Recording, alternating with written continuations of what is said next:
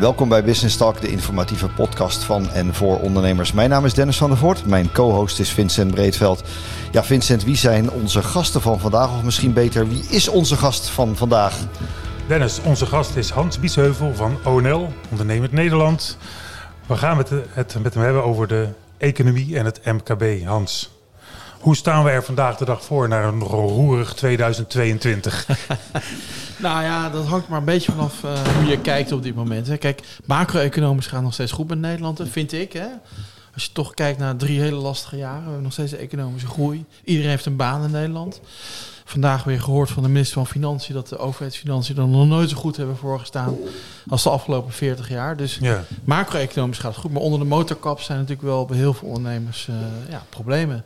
Uh, je hebt natuurlijk deel van de ondernemers die nog steeds met coronaschulden zitten. Bijna zo'n 20 miljard. Je hebt de ondernemers die lastig nog steeds een energierekening kunnen betalen. Ik denk aan de bakker, de slager, maar ook uh, bijvoorbeeld het Westland. Nog steeds heel lastig met, uh, met de hoge energierekening. En ik vind zelf, uh, ik heb vorig jaar zo'n 200 werkbezoeken afgelegd door heel Nederland heen. Ondernemers zijn echt onzeker over hun toekomst. Hè? Dus ook al gaat het nog relatief goed met je, het vooruitkijken, het plannen, het investeren naar de toekomst, zo vinden ze allemaal heel lastig. Veel businessmodellen staan onder druk voelen we heel veel regeldruk. Uh, ja, en dat is lastig dan uh, vooruitkijken. Dat, dat vind ik echt wel. Dus mijn wat, les wel van het afgelopen jaar. Wat vragen de ondernemers concreet op het moment dat je met ze in gesprek bent? Want jij hebt voor de ondernemers ook uh, een, een lijn naar Den Haag. Wil niet zeggen dat het u vraag wij draaien is, maar nee. wat, wat kom je het meest tegen? Is, is het echt dat toekomstperspectief? Ja, dat toekomstperspectief. Kijk, dat is natuurlijk wel door, door die drie hele onzekere jaren is dat voor iedereen een beetje natuurlijk uh, uh, gehusseld als het ware. Maar je ziet vooral juist bij heel veel bedrijven die, die, die, die dat gevoel van nou, er zijn echt duidelijke, heldere oplossingen. Hè. Ik bedoel, dat zie je natuurlijk bij de, bij de agrarische sector. Hè. Dat, die, is natuurlijk helemaal uh, ge, gaat gebukt eigenlijk onder ja, geen duidelijk beleid. Maar je ziet ook in de bouw op dit moment, hè, alles rond stikstof. Er zijn heel veel dingen tegelijkertijd gaande, maar de echte oplossingen, ja, die zijn er niet. Er wordt wel heel veel gepraat. Er zijn weinig oplossingen. Als je even nadenkt, het regeerakkoord is ongeveer een jaar geleden tot stand gekomen. Nou, daar stond uh, vooral in, we gaan heel veel extra geld uitgeven. En we gaan in 2020 de plannen daarbij bedenken. Nou, we zijn nu een jaar verder en nou, die plannen zijn er nog steeds niet. Dus, uh, terwijl de uitdagingen, nou ja, nogmaals, de, kijken naar de hele infrastructuur in Nederland. Mm -hmm. alle, alle plannen voor bijna alles ligt stil vanwege stikstof. Ja, en dan heb je nog de, de, de infrastructuur die her en der op instorten staat. Nou ja, waar precies. we zorgen over moeten hebben. Precies, dus, dus ik was uh, vanmiddag of vandaag nog in, uh, in, in Barendrecht en uh, Zwijndrecht met allemaal wethouders en Rijkswaterstaat en noem maar op. En er staan geloof ik in dat, alleen in die regio al twintig grote projecten op de stapel. Bruggen en tunnels. Er komt niks van de grond. Waar, waar niks nog van de grond komt, die helemaal dringend aan onderhoud toe. Nou, nou moet er heel veel tegelijkertijd gebeuren. Ja, dan knel je weer dorpen en, en, en bedrijfsterreinen af. Dus ja, ondernemers worden er heel onzeker van. Dat is maar gewoon een voorbeeld. Maar dat zie je op heel veel plekken. En wat krijg je terug op het moment dat je met, met nou, misschien aan de ene kant met, met mensen uit het kabinet praat. En, en aan de andere kant ook met Kamerleden. Ze hebben al elk een eigen rol. Wat, wat, wat is dan de, de afdronk die je daaruit haalt uit die gesprekken? Nou, daar vind ik echt die onzekerheid uh, net zo goed voelbaar. Hè? Dus je ziet de onzekerheid van ja, hebben we nu wel de goede, de goede koers met dat regeerakkoord? Hè? Want mm -hmm. ik vind als je na een jaar, hè, je gaat zeggen nou, we gaan zo'n 65 miljard extra uitgeven aan klimaat, hè, aan stikstof. En je bent een jaar verder en er is nog geen enkel plan, ligt er eigenlijk concreet op tafel. Hè? Ja, dat, dan, sloop, dan sluipt natuurlijk de onzekerheid erin. Hè? Ja, en dat is eigenlijk het verhaal van vorig jaar. We hebben het ja. daar wel eerder over gehad. Dat, dat kabinet is, is in januari aangetreden. En, en ik, je hoort het overal. Er gebeurt maar niks. Nee, gebeurt er echt niks? Of, of nou, ligt het lam door, de, door de, het, het politieke landschap? Nou ja, kijk, je moet, moet wel. Ik, nou, ik vind men is heel druk met elkaar. Hè? Er is heel veel overleg. Hè? Ik heb eens gezegd, hè, er zijn nu twee keer zoveel be bewindspersonen als toen uh, in Rutte 1. Hè? Ja, dat is we ook hebben, raar eigenlijk. Ja, we hebben een verdubbeling van het aantal uh, partijen in de Tweede Kamer. Op de meeste ministeries hè, heb je twee of drie bewindspersonen. Hè. Ik had vandaag een overleg met drie bewindspersonen, waarvan er twee op één ministerie zitten. Ja, dat, die, dat, dan ben je al druk met elkaar op zo'n ministerie om alles af te stemmen. Ja, ja. En dan zitten ze heel veel uren in die kamer. Maar wat je ook wel ziet is zeg maar dat uh, ja, de, je hebt natuurlijk vier partijen in een coalitie die eigenlijk ja, eh, in een coalitie zijn gestapt waar ze geen van vier echt zin in hadden. Hè. Nee, maar die houden elkaar krampachtig vast. Het was een moedje, maar niemand had er echt zin in. Als je naar die foto kijkt op 10 januari 2022 op die trappen van eh Paleis Noordeinde, nou, je ziet op Rutte na eigenlijk niemand dat je denkt, wauw, ik heb er zin in. en dat, dat voel je nog steeds, iedere dag. En eh, nou ja, nu, ik ben dan nou ja, half januari weer begonnen in Den Haag, hè, na het reces. Maar iedereen weet, over drie weken is er voorjaarsreces. Daarna is het twee weken campagne. Dus op dit moment gebeurt er helemaal niks in Den Haag. Iedereen wacht tot 15 En eigenlijk maart. gek, want die campagne gaat helemaal niet over Den Haag. Die gaat over de Nee. provincies. Maar we, we verpolitiseren het weer tot landelijk. Bijna alle debatten worden nu uitgesteld. Er gaat niks door. Niemand brandt zijn handen meer aan. Dus tot eind maart, eerste kwartaal, liggen we alweer eh, nou ja, eigenlijk in de touwen. Wat betreft die besluitvorming. Ja. Terwijl, nou ja, we hebben het net een paar dingen genoemd. Stikstof, eh, woningbouw, nou, noem arbeidsmarkt. Alles schreeuwt om oplossingen. En die zijn er gewoon niet. En dan één ander punt. En dat hoor ik ontzettend veel terug bij ondernemers. Ik had vandaag een eh, interview met eh commissaris van de Koning in Groningen, René Paas. Dat ging dan over de schade van ondernemers in het aardbevingsgebied. Nou, al tien jaar lang wordt er vruchteloos gepraat, maar er is nog geen ondernemer geholpen met het oplossen van die schade. Nee, terwijl als we 10 miljard vrijmaken om nu al die Groningers schadeloos te stellen, zoals we 100 miljard Ja. vrijmaakten voor corona, dan hebben we het morgen opgelost. Althans. En dan hebben we misschien een paar ondernemers of bewoners iets te veel geld gehad. Nee, maar, Maar dan- punt is een beetje, we hebben dus niet de slagkracht om de dingen echt op te lossen. Dat zie je bij de toeslagen. Ik hoorde vandaag ook weer. We hebben een aparte bewindspersoon. We hebben twee eh, directeuren-generaal erop gezet. En na twee jaar is er nog geen ouder extra geholpen. Hè? Dus na twee jaar zijn we nog niets Eigenlijk opgeschoten. schandalig als je erover nadenkt. En, en dat voelen ondernemers ook op heel veel vlakken. Die slagkracht ontbreekt. Dus de plannen zijn er niet, maar als we er wel zijn, ja, krijg je het gewoon niet voor elkaar. Nee. Wat is, de, wat is de, de heilige graal om dat voor elkaar te krijgen? Is er een oplossing? Ja, die heb ik, heb ik niet. Maar ik denk wel dat er, dat er in ieder geval, het begint toch bij die politiek, toch een besef moet komen. Ja, zo kunnen we niet langer verder. Hè. Er zullen veel meer knopen moeten worden doorgehakt. Maar we zullen ook moeten investeren zeg maar, in die uitvoeringskracht en die oplossingskracht van de overheid. Want eh, ja, dat zomaar aan de samenleving overlaten, dat lukt dus ook niet. Hè. Nee. Dus, eh, ja, en dat, en dat zal denk ik wel een hele generatie gaan duren voordat we daar de echte slag gemaakt hebben. Maar daar moeten we wel een keer mee beginnen, wat mij betreft. Want uit de rapportage van het CBS stond ook in de krant hè, dat eh, toch heel veel eh, MKB-bedrijven heel pessimistisch zijn over Ja. de nabije toekomst. Ja. Heel ver kijken doen ze lang niet meer.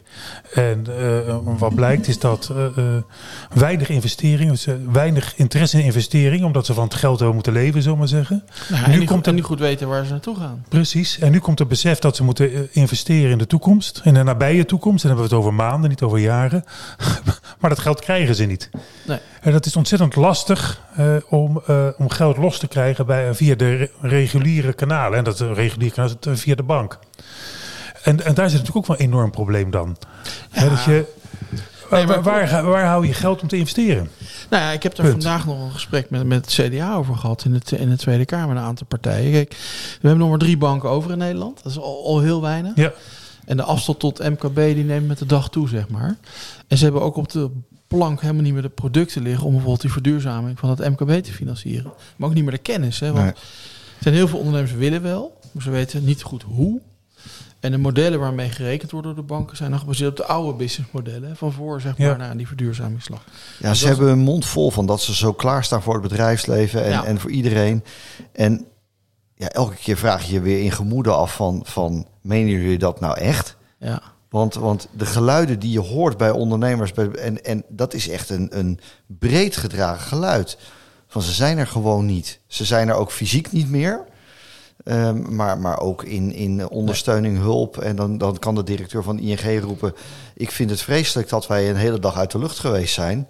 Ik denk, ja, eh, oké, ja, maar los het op. En, en, eh, maar, maar waar ben je überhaupt? Ja, nou ja, precies. Ik heb vandaag ook in de Kamer nog weer gezegd. Kijk, het is niet alleen dat die producten er niet zijn, dat je niet echt welkom voelt, hè, maar ook de menselijke maat ontbreekt. En nou ja, dat vond ik altijd de kracht van bankieren toen ik meer dan 30 jaar geleden begon. Hè, dat het was meer dan alleen maar nou was ja, een financieel businesspartner. product. Ja, dat is helemaal weggevallen. Sterker nog, hè, je voelt je echt letterlijk niet meer welkom, eh, zeg maar. Dus dat, dat voelen ondernemers. En in die tijden, wat Vincent net beschrijft, dat ondernemers onzeker zijn, niet goed weten waar ze aan toe zijn, dan is juist die menselijke maat kan heel goed helpen. En het lijkt of dat steeds harder wordt uitgesneden. En ja, dan krijg je dus die afstand. En dan krijg je ook die onzekerheid bij ondernemers, die denk ik net goed beschreven is. Ja, en dan zijn de meesten, denk ik, ja, die rijden op een rotonde en denken, nou ja, blijf rondjes rijden, maar uh, welke afslag ik moet nemen, geen idee. Dus dat doe ik maar even niet. Nee. Maar het is wel zo dat, want eigenlijk het hele systeem is nog uh, eigenlijk gebaseerd op financiering door banken. Hè? Ook het toezicht. Uh, zo, zo hebben we dat in Nederland nou eenmaal georganiseerd. Maar hier lees ik dat 50% van de bedrijven nu nog maar naar een bank gaan voor financiering. 50%.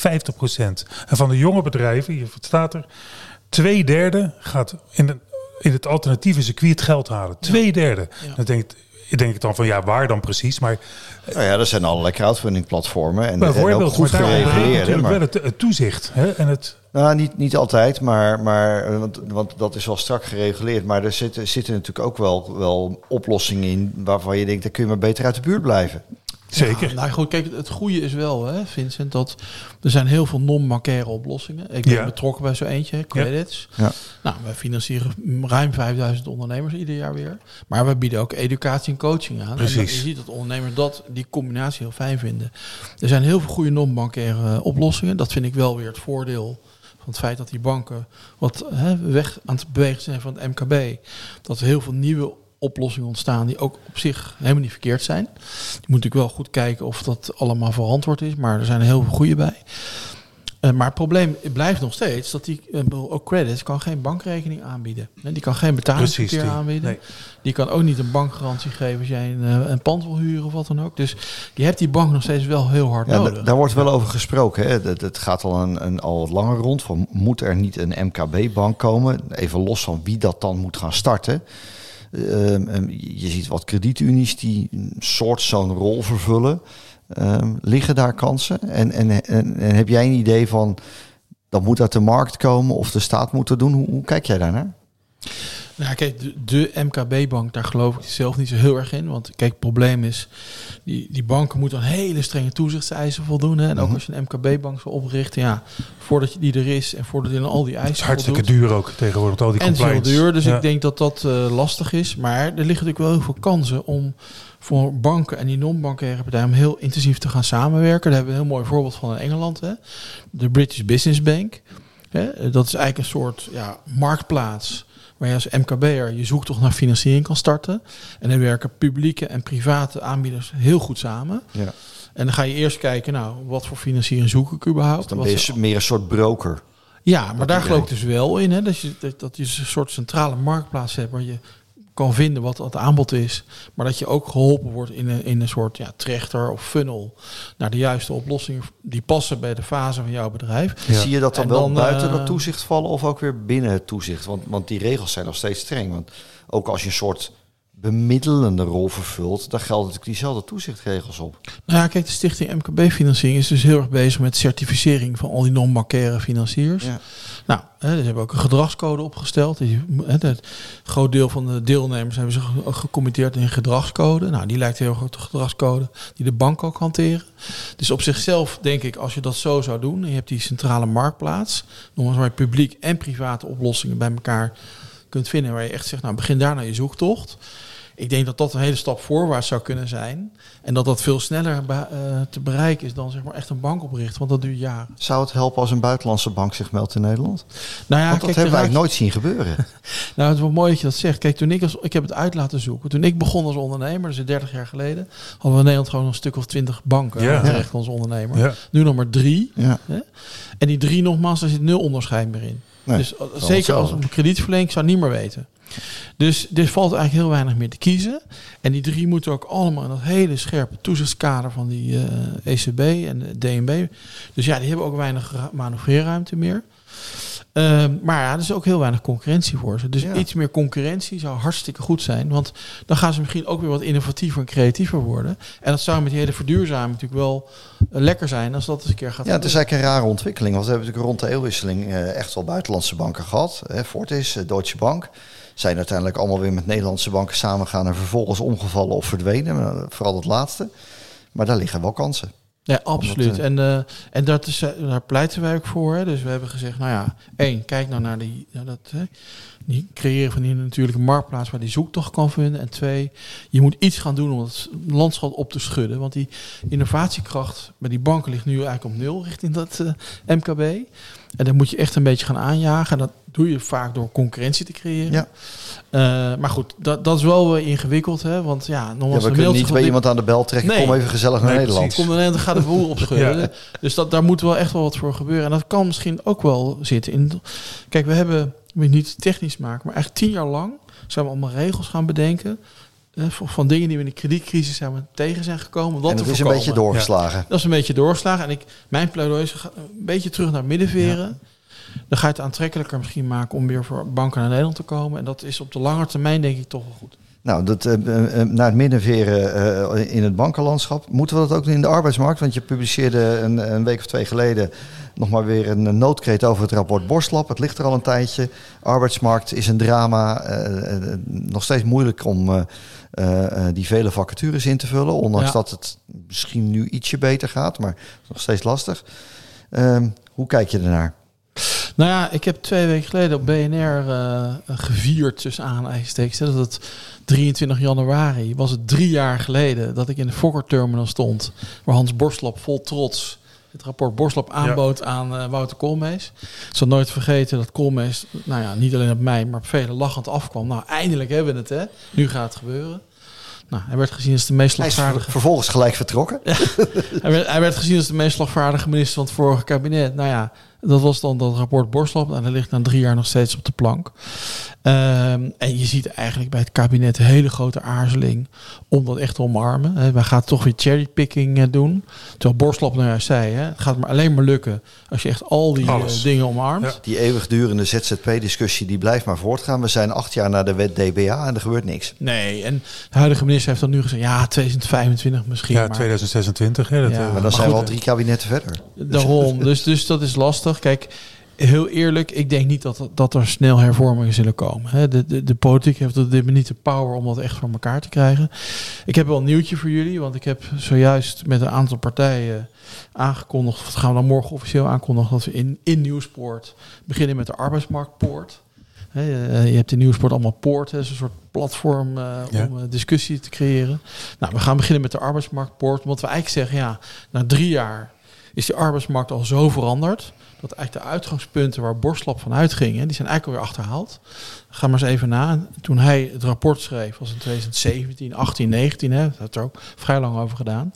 Toen zaten we nog eigenlijk in de naweeën van de kredietcrisis. Hè, toen hadden we nog een hele hoge werkloosheid gehad. Ja. Nou, kijk nu naar de arbeidsmarkt. We hebben honderdduizenden vacatures en een grote krapte. Ja. Dus je kan je al überhaupt afvragen van... zijn die vertrekpunten van Borslap überhaupt nog, nu nog wel hè, relevant? En twee, eh, hij zei nog, nou, we moeten ZZP terugdringen in feite. Maar er zijn in, sinds het rapport Borslap uitgekomen al 400.000 ZZP'ers bijgekomen. bijgekomen. Ja. En, en als je de Dus- peilingen leest... blijven om- stijgen. Het blijft ja, stijgen. precies. Ja. als, je, als, je, Ja. als je mensen hoort, startende ondernemers ook... er is nog steeds een enorme drang om het zelf te gaan doen. Absoluut. Ondanks dat inmiddels wel de hele, een een groot deel van de Tweede Kamer zegt... nou, dat moet wel wat minder. Maar de, de, de, realiteit in de markt zelf is echt anders. Nou, daarom. Dus, ik, dus we beginnen met die arbeidsmarktpoort. In elk geval een paar keer per jaar in Nieuwsport. Dicht bij die politiek dat gesprek opnieuw te starten. Prima borstslap. Maar laten we eens even kijken nu met... En dat is een van initiatief echt vanuit de markt. Nou ja, vanuit, vanuit een aantal partijen zoals ONL, eh, de BOVIP, hè, eh, Ja. allerlei dat soort partijen. Maar de bedoeling is ook samen met Nieuwsport, hè, dat vind ik altijd wel mooi in Nieuwsport, dat de podium te bieden om op, toch opnieuw weer eens even met elkaar het gesprek aan te gaan. En in ieder geval levend te houden, op de agenda te houden. Eh, en de heel dicht bij de politiek dit te organiseren. Dus iedereen welkom, hè, dat is, laat ik dat vooropstellen. Want het gesprek houdt natuurlijk niet op. Nee. Hè, eh, met het rapport Borslap wat drie jaar geleden gepubliceerd. Dus we moeten daar echt mee verder nu. Het blijft een eh, complexe wereld. Ja. Ehm, nog even terug naar de overheid. De, de eerste maand van het jaar zit er alweer op. Eh, ja, dan toch maar even een, een soort van noodkreet. Wat moet het kabinet nu echt gaan doen? Eh, om Nou ja. maar even één highlight eruit te halen. En als ze dat al halen, is het heel mooi. Nou ja, ik zou zeggen, laten we nou eens gaan doorpakken. Hè? Want nogmaals, uh, we hebben 65 miljard gereserveerd in een aantal fondsen. De plannen ontbreken nog steeds. En wat je daar ook van vindt, hè, dat geld is beschikbaar. En ik zou zeggen, laten we dat nou echt gaan investeren in die verdienkracht van de Nederlandse economie. Met hele concrete plannen, met haalbare doelen. En, uh, en daar ontbreekt het volledig aan. Hè? En dat, dat, ja, dan kan ik wel één voorbeeld uit gaan noemen. Maar er zijn een aantal dingen tegelijkertijd die moeten gebeuren. Laat ik het dan maar mijn stokpaardje noemen. Die verduurzaming van het MKB. Ik zei al net, vorig jaar 200 werkbezoeken afgelegd. Meer dan 200 bedrijven bezocht. Er is geen enkele ondernemer die zegt, nou ik wil niet een elektrische bus kopen. Of ik wil geen elektrische oven kopen. Of geen zonnepanelen op mijn dak. Maar het probleem is, hoe doe ik het precies? Uh, is er wat netcapaciteit en hoe financier ik het?